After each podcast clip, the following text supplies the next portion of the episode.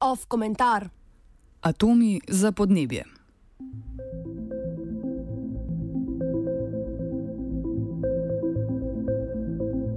Pred vsakoletnim vrhom Organizacije Združenih narodov v New Yorku je letos potekal tudi podnebni vrh, za katerega je dal pobudo generalni sekretar OZN Antonio Guterres.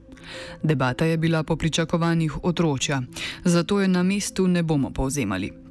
Kot vedno je bilo veliko govora o potrebi po večjem izkoriščanju obnovljivih virov energije. V prvi vrsti to pomeni sončne celice in veternice. Povsem ob strani je bila jedrska energija, je, kje pa je v Sloveniji v zadnjih tednih spet postala predmet javne razprave, potem ko se je za gradnjo drugega reaktorja v nuklearni elektrarni Krško zauzel premijer Marjan Šarec. Nacionalni energetski in podnebni načrt, ki je bil predstavljen ta mesec, se glede novega bloka krške nuklearke ni opredelil, a projektu pušča odprta vrata. Več naj bi predvidel energetski koncept, ki je v pripravi.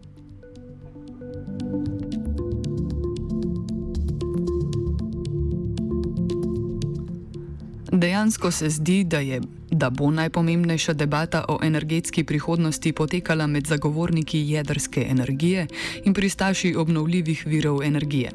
Slednji v Sloveniji zaradi pomankanja vetra pomenijo predvsem sončno energijo. Delež obnovljivih virov energije je v Sloveniji približno 20 odstotkov, torej precej manj od 25 odstotkov, kolikor naj bi dosegli do prihodnjega leta, kot se je država zavezala z direktivo o spodbujanju obnovljivih virov energije. Največji delež, več kot polovico, dosega uporabna lesa uporaba lesa in druge biomase pri ogrevanju. Sledi vodna energija v obliki hidroelektrarn. Čeprav se država močno trudi povečati ta delež, predvsem z gradnjo elektrarn na spodnji Savi, je potencijala v hidroenergiji relativno malo. Vseh deset hidroelektrarn na zgornji Savi skupaj je naprimer lani proizvedlo manj električne energije kot toplarna Ljubljana, katere primarni namen je daljinsko ogrevanje. Sončna energija predstavlja zgolj pol odstotka obnovljive energije v Sloveniji.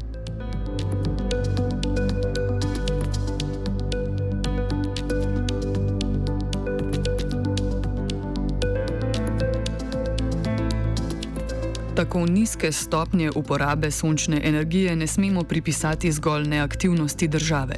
Slovenija je namreč deležna manjšega sončnega obsevanja in je zato manj primerna za razvoj tovrstne električne proizvodnje. Sončno obsevanje seveda močno niha z letnimi časi. V teh dneh se je zgodilo jesensko enakonoče, kar pomeni, da smo trenutno v primerjavi s celoletnim osončenjem deležni srednje vrednosti sončnega obsevanja.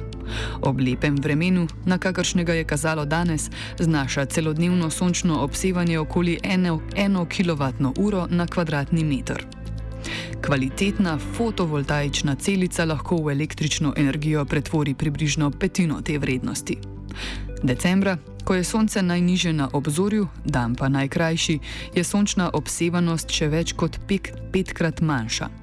Streha večje hiše, popolnoma prekrita s kvalitetnimi sončnimi celicami, bi tako ob sončnem decembrskem dnevu zagotovila manj kot 5 kWh električne energije, kar je manj od tipične porabe slovenskega gospodinstva zgolj za razsvetljavo.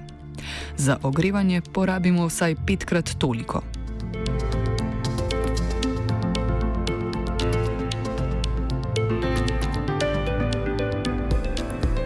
Vsaka množična uporaba sončne energije bi torej zahtevala tudi njeno množično shranjevanje.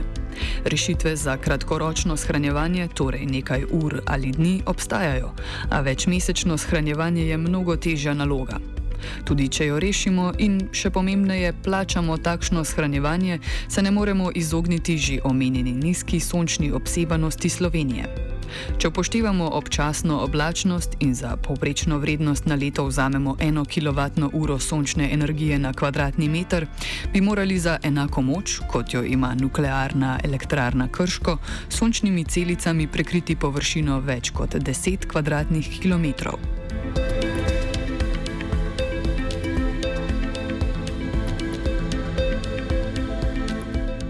Štiri največje sončne fotovoltaične elektrarne, za katere imamo podatke o njihovi proizvodnji, se nahajajo v puščavah Južne Kalifornije in Nevade v Združenih državah Amerike. To so Solar Star, Copper Mountain Solar Facility, Desert Sunlight Solar Farm in Topaz Solar Farm. Vse so bile zgrajene v zadnjih petih letih. Uporabljajo torej najnovejšo tehnologijo in so pozicionirane na zelo ugodni, torej sončni legi. Njihova skupna letna proizvodnja električne energije je bila 5,5 teravatnih ur. To pa je natančno toliko, kot je bila lanska letna proizvodna nuklearne elektrarne Krško. Ob tem je njihova skupna površina nekaj več kot 64 km2, kar je naprimer toliko, kolikor znaša površina občine Ptuj ali Murska sobota.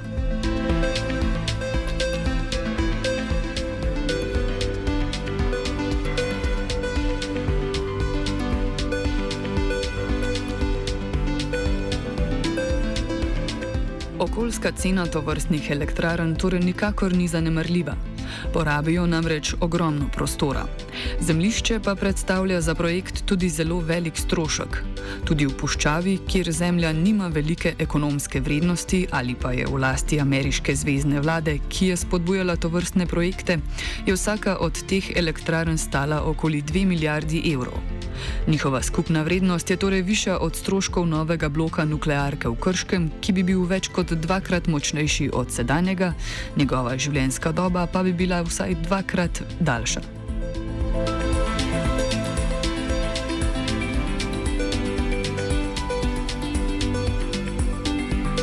Jedrska energija bi morala biti pomemben sestavni del kombinacije virov energije.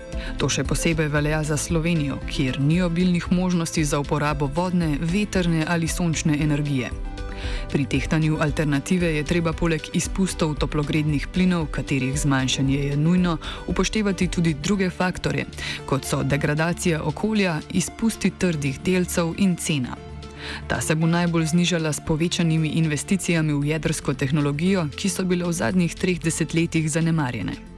Cena ni pomembna le za gospodarstvo, ampak tudi za posameznike, še posebej za najrevnejše, ki za energijo namenjajo največji delež svojih dohodkov.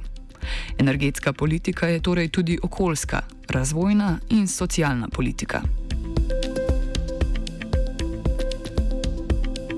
Komentiral je Gal. Oh. Oh. Oh. Oh. Oh. Oh. Off komentar.